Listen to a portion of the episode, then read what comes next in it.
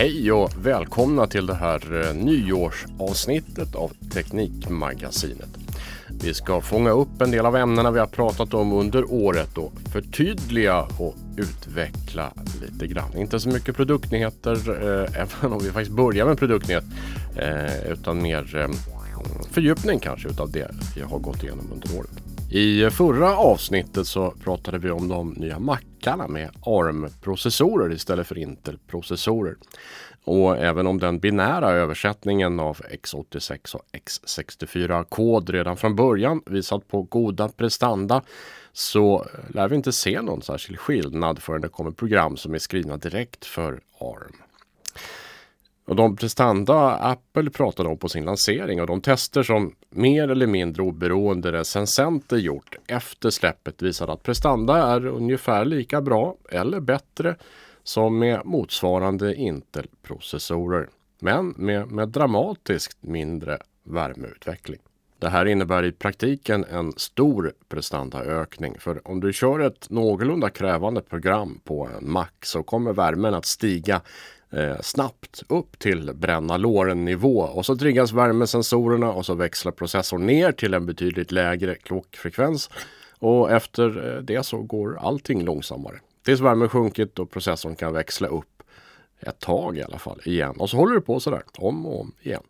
ARM-processorn är så energieffektiv, eller beräkningseffektiv snarare, att värmen aldrig triggar någon nedväxling. Och det innebär alltså att prestandan håller sig på en jämn nivå hela tiden.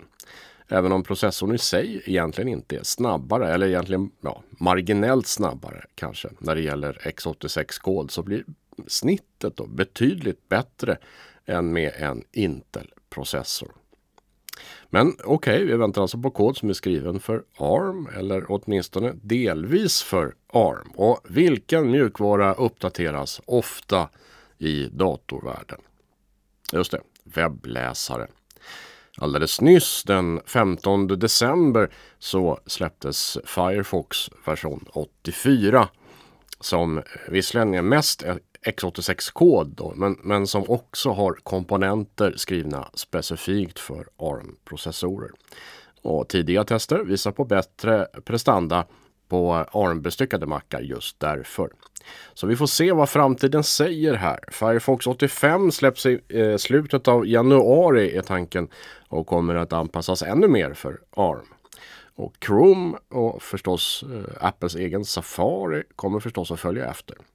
Och det här gäller också då förstås eh, Mac OS.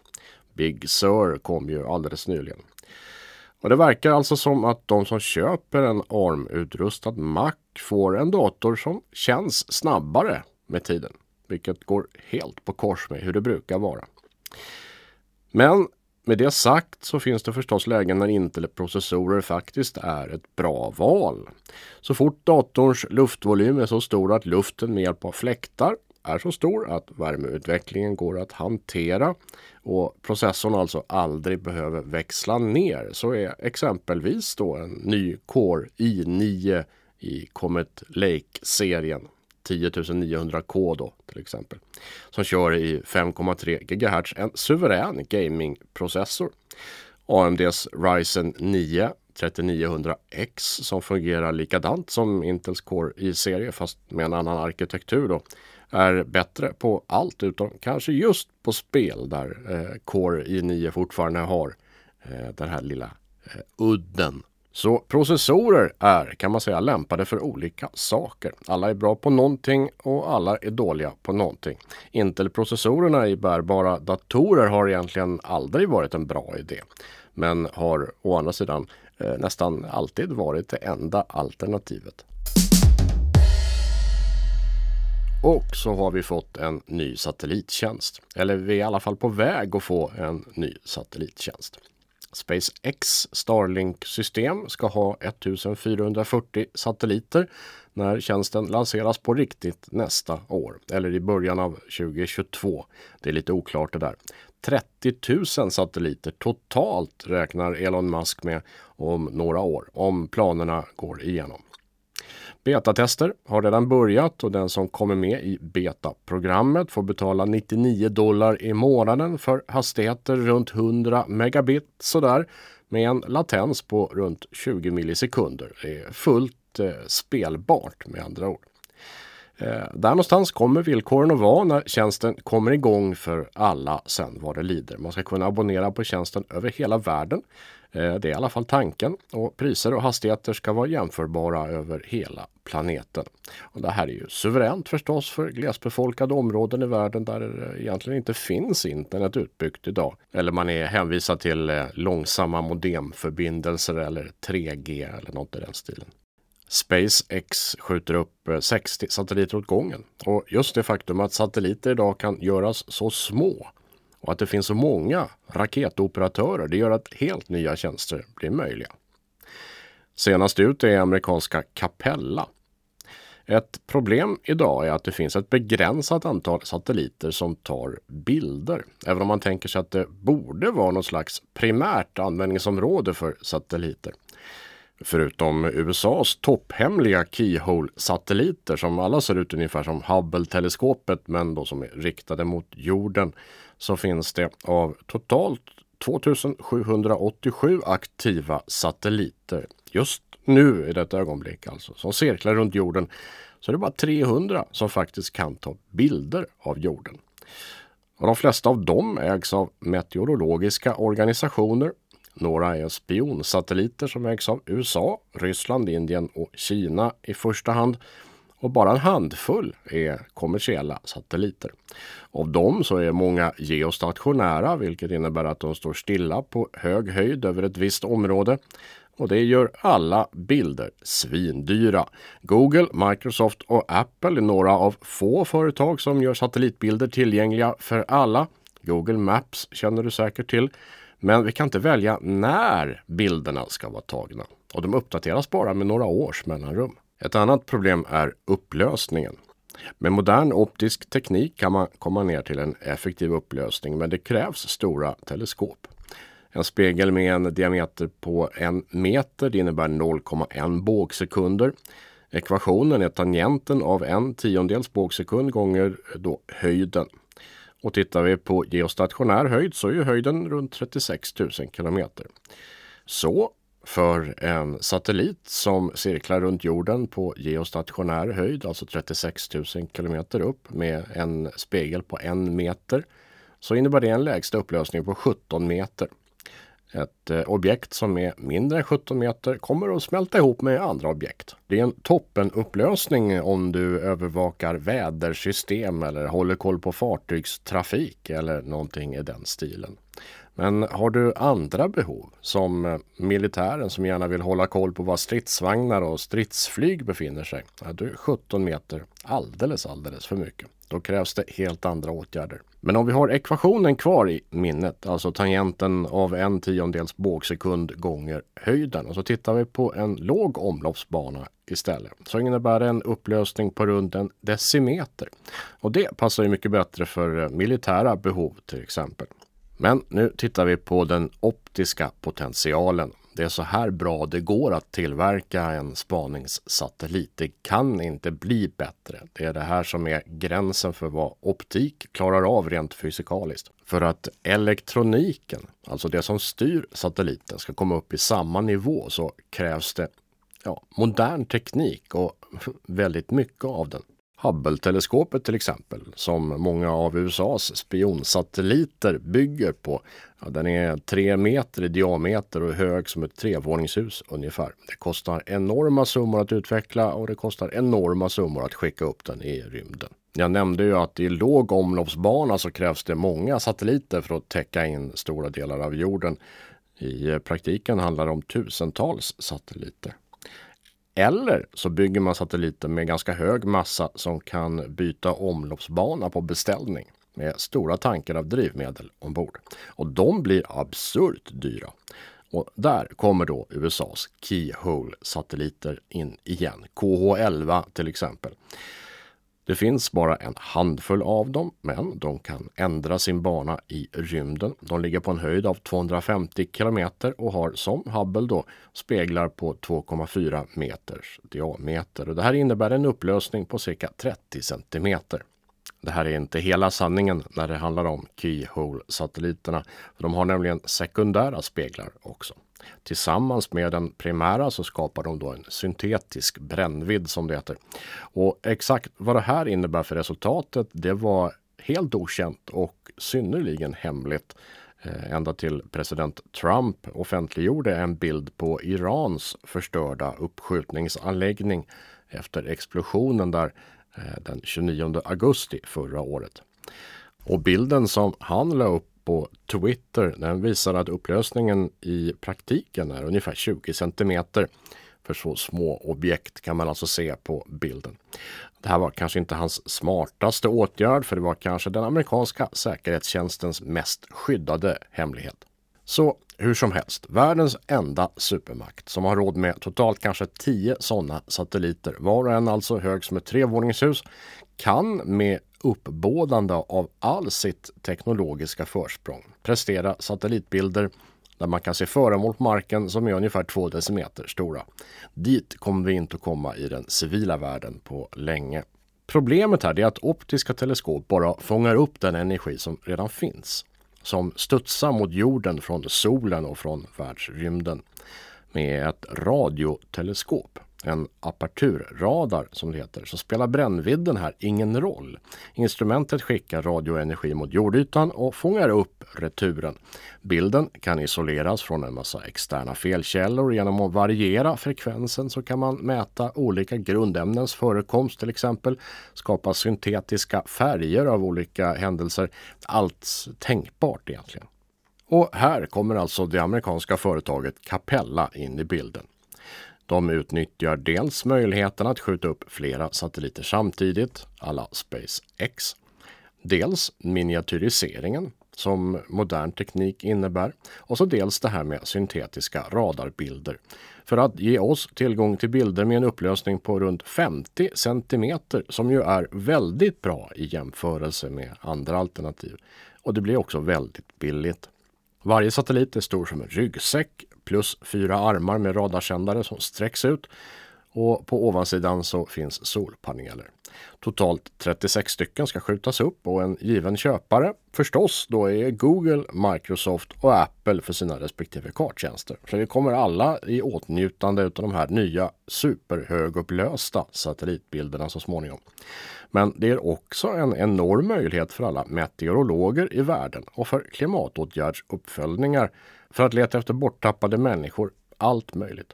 Inom ett par år ska satelliterna vara uppskjutna, så då har vi planetär tillgång till internet och nästan realtidsfotografering av jordytan. Så då är frågan, vad blir nästa grej här?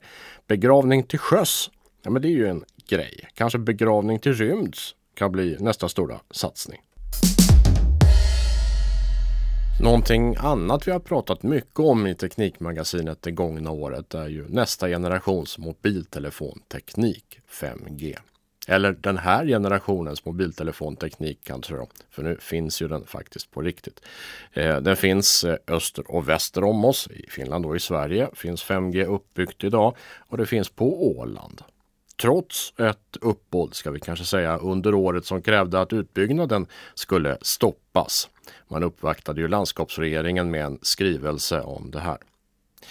Och Sådana här upprop har kommit inför egentligen varje ny mobiltelefonigeneration. Det är en känd distraktion kan vi säga i mobiltelefonibranschen. De som engagerar sig emot utbyggnaden av nya mobiltelefonnät refererar för det mesta till forskning som inte riktigt är forskning av personer som kanske har någon doktorstitel inom något område som inte riktigt har med radioteknik eller medicin att göra, men som gärna hänvisar till sin titel och till sin egen forskning och till experiment som ja, inte riktigt uppfyller kraven på opartiskhet eller repeterbarhet. Dessutom så är det svårt att bevisa ett negativt påstående. Det är lätt att visa att det gör ont att få en sten kastad i huvudet till exempel, men det är omöjligt att bevisa någon som helst effekt av att inte få en sten kastad i huvudet. Det här gör det svårt att bemöta de här protesterna. De som på riktigt forskar om radiostrålning, de kan ju inte säga att radiostrålning är helt ofarligt för man kan inte bevisa att någonting är helt ofarligt.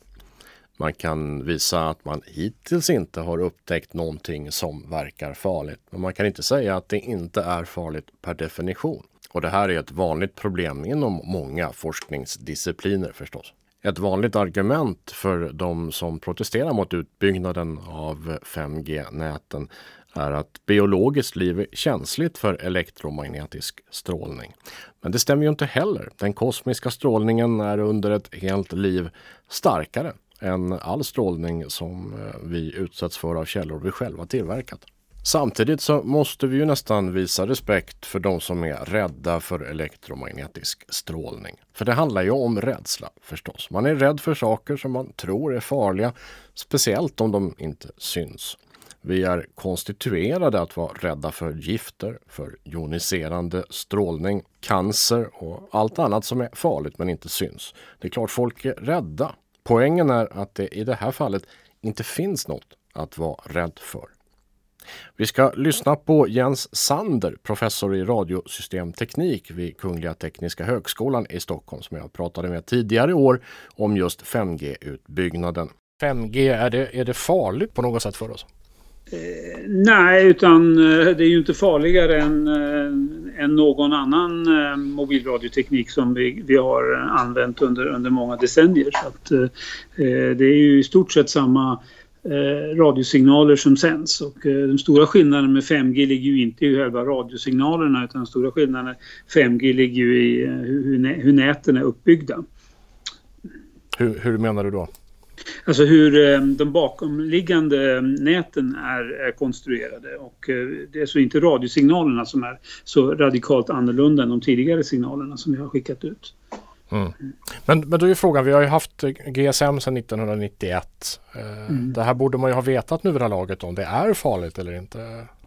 Ja, eller snarare har väl utvecklingen gått kan man säga i en positiv riktning. Eh, det kan ju låta som att vi har fler och fler radiosändare, att, att det skulle bli farligare och farligare. Men det faktum är att, att, att eh, så den största strålningskällan som vi har kring oss det är de apparater som vi har i vår närhet. Det är inte basstationen på taket och de här masterna som står ute i terrängen utan eh, det är ju faktiskt eh, själva mobiltelefonen och eh, att, att masterna blir fler och fler och kommer närmare och närmare eh, gör ju att, att, mobiltelefonen behöver allt mindre och mindre energi, behöver allt mindre och mindre effekt utstrålad för att kunna kommunicera. Så att eh, faktum gör ju, gör ju det att, att den strålning som man drabbas av minskar hela tiden eh, på grund av att vi får fler sändare. Så om jag förstår det rätt, om man nu går från 3G och 4G till 5G så minskar strålningen snarare än ökar? Ja, du kan jämföra så här att om du ska belysa ett, ehm, eh, en, eh, ett stadion med, eh, med stora strålkastare, så med några få stora strålkastare så går det enorma strålkastare. Och klart, skulle du befinna dig väldigt nära en sån strålkastare så skulle du bli väldigt mycket, drabbas av väldigt mycket strålning. Va? Men om du skulle istället belysa den med eh, tusen ficklampor eh, så är det, kan du få samma belysning men, men den strålning som du utsätts för på, på, på varje plats kommer att vara mycket mindre. Mm. Eh, man får mycket jämnare, jämnare belysning och inte så, inte så kraftiga eh, punktkällor som man hade kanske förr. Och det märktes ju också på om man tar i mobiltelefonins bakgrund så var ju mobiltelefonen ganska klumpiga och stora och det har mycket att göra med att de sänder med mycket, mycket högre effekt än vad, vad dagens smartphones sänder med. Mm. Mm. Nu, nu, finns det ju då människor som är uppenbarligen då rädda för, för strålning. I allmänhet får man gissa, 5G i synnerhet i alla fall. Då. Hur ska man förhålla sig till den här gruppen människor tycker du? Just här på Åland så har vi en grupp som lämnade in eh, igår då en protestskrivelse till landskapsregeringen. Mm. Hur, hur, ska vi hantera det? Ja, jag menar det, det, det, är klart att det finns en, en, eh, ja, folk kan känna en oro men det är ju samma typ av oro som vi har sett inför eh, 3G och eh, 4G och eh, varje gång vi ska, ska byggas en, en, en, en mast någonstans så är, är folk oroliga och det kanske är väl um, en problematik här är ju att, att all den vetenskapliga forskning som bedrivs, den, de kan, kan ju inte visa på något, att det ska finnas några risker eller några skador. Eh, och just att det, att det är avsaknad. Eh, men samtidigt så kan de ju inte säga att det är ofarligt heller så att säga. Utan, utan eh, det, det blir någon typ av negativ evidens som vi har. Så att det, och det är klart att, att vi får liksom ingen, ingen, ingen slutgiltigt svar på, på det åt ena eller andra hållet. Det, det, och det kanske är, det är så vetenskapen fungerar men det kanske är otillfredsställande för, för, för många då som känner sig oroliga. Ja, det kanske hade varit lätt, lättare på en annan plats i frekvensbandet om det hade varit ljus då som du jämförde med. Att, då hade man ja. i alla fall sett, sett den här strålningen. Hade man, ja, precis, hade man sett den så eh, hade det, det kanske fått, fått lättare för, för förståelse för de här typerna av problem. Men vad tycker du då? Vad, vad, ska man eh, från samhällets sida göra? Ska man efterkomma den här oron mm. eller ska man förlita sig på naturvetenskapen eller vad, vad, hur ska man Nej, göra? Men man, vi, jag menar, det är ju så vi, vi, vi resonerar. Vi förlitar oss på, på vetenskapen och precis som du säger att, att uh, vi har ju haft den här uh, tekniken nu under snart uh, 40 år. mobiltelefonteknik när man tar från NM, NMT mm. som, som, var i början på 80-talet. Och, så. och Eh, Eh, det, det, det, går liksom inte att visa några, några eh, effekter eh, av det här. Och samtidigt som vi har då all, med fler och fler apparater som finns runt, runt omkring oss. Och, eh, så att, eh, och som sagt, tekniskt sett så är det ju ingen, så här, radiomässig synpunkt så är det ju väldigt små, om nästan inga skillnader mellan, mellan 5G och, och tidigare system som vi har haft 4G och 3G.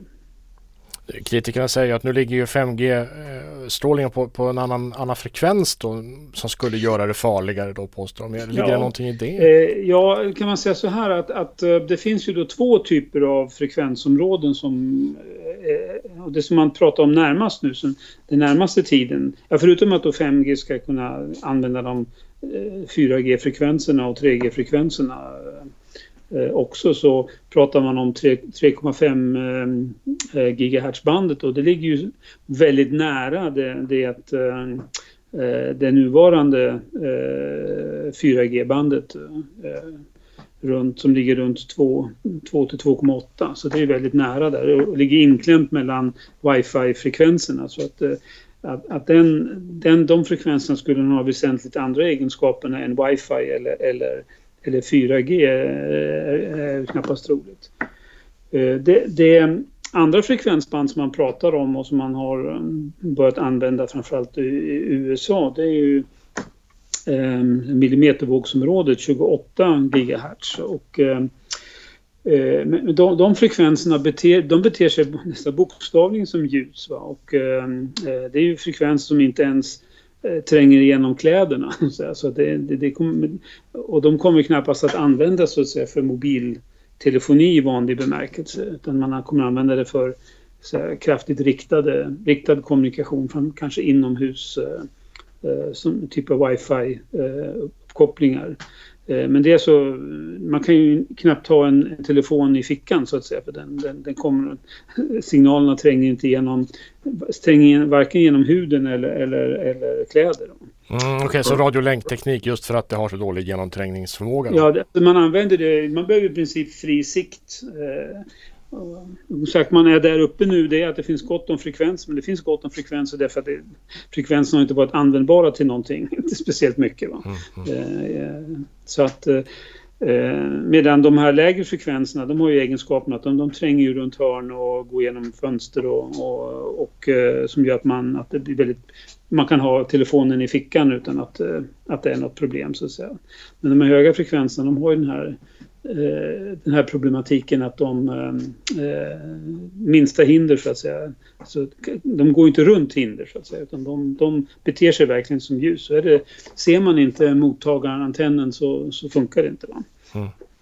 Nu, har, nu har vi pratat om den här protestskrivelsen riktad till den åländska landskapsregeringen. Jag antar att det finns den här typen av kritik mot 5G-utbyggnad i Sverige också. Vad, vad är dina argument liksom för att bemöta de här, de här kritikerna? Ja, ja, jag menar det här har ju förekommit i, i många länder och, eh, och eh, det, det blossar upp Eh, framförallt inom, eh, ja, i och med att det är en ny teknik. Och, och det är också en, en, en, en, en villfarelse som man har, det är att, att eh, eh på grund av eh, att vi ska bygga 5G så får folk för sig att det ska ställas upp en, en massa nya master och det ska byggas ut ett, ett komplett system precis som vi har tidigare så det ska bli väldigt, väldigt mycket mer sändare än vad vi hade tidigare. Men, men det är ju inte fallet utan det är ju ingen som kommer att ha råd med det. Utan det, är, det är ju framförallt existerande eh, sändarmaster som kommer att kompletteras med den här tekniken. Eh, så det blir nog inte fler sändare.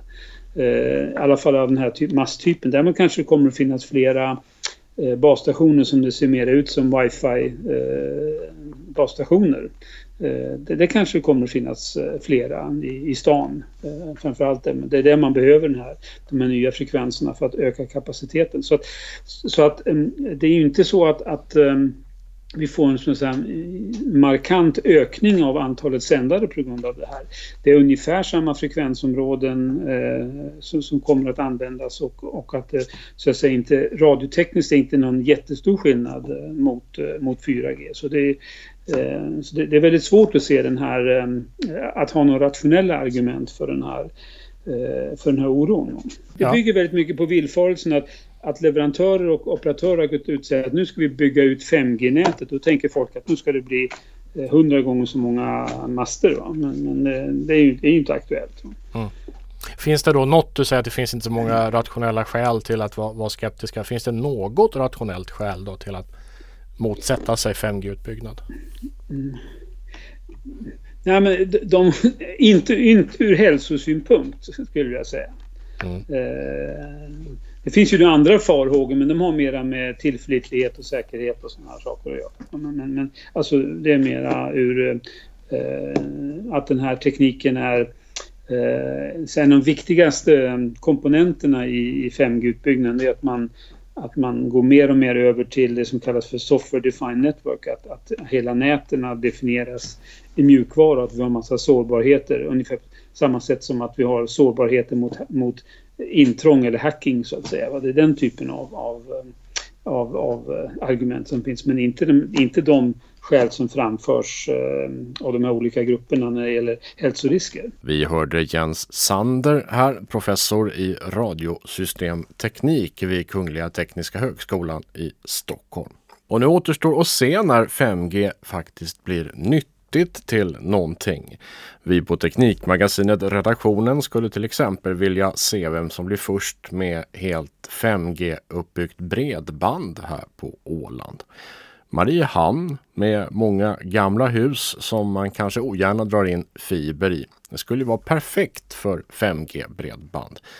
Gigabit-hastighet utan fiber, låter inte det spännande? Under året har Teknikmagasinet bevakat en lång rad olika ämnen vi har pratat om marslandningar, förbjuden kinesisk mobilteknik, flygsimulatorer, hus på månen av Kiss och Regolit, inomhuscykling. Vi har pratat om galaxens snabbaste stjärna, världens dyraste datorhjul, elbilar, Apollo-programmet, attackhelikoptrar. Vi har pratat rätt mycket om vikbara telefoner, om Star Trek, vertikalvideo och virtuella modemodeller. Vad ska nästa års 2021 Teknikmagasin handla om? Det får du gärna vara med och bestämma. Hör av dig till oss på Facebook till exempel på Ålands Radios konto. Eller mejla till oss på eh, Teknikmagasinet at alandsradio.ax. Och så allra sist en kort nyhet om vårt favoritprogram här på Teknikmagasinet, Kerbal Space Program. Här i dagarna före jul så kom den senaste versionen.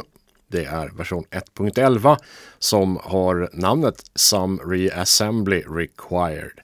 Eh, och eh, ja, några av funktionerna som eh, ingår i den här uppdateringen är möjligheten att sätta ihop eh, olika farkoster i rymden eller på planeter eller var man nu befinner sig. En liten laserpistol, en liten eh, svetsapparat, handhållen svetsare eh, följer liksom med och så kan man sätta till delar till sina konstruktioner eh, medan man spelar. Till exempel, och så en del eh, grafiska uppdateringar av planeter och månar i systemet. Uppdateringen är gratis för alla som äger spelet så det kanske kan vara någonting att sysselsätta sig med här under jullovet. Och med det så är Teknikmagasinet slut för inte bara den här gången utan för hela det här året. År 2020 lämnar vi nu bakom oss. Jag önskar dig ett riktigt trevligt 2021 och ett trevligt jullov förstås. På återhörande.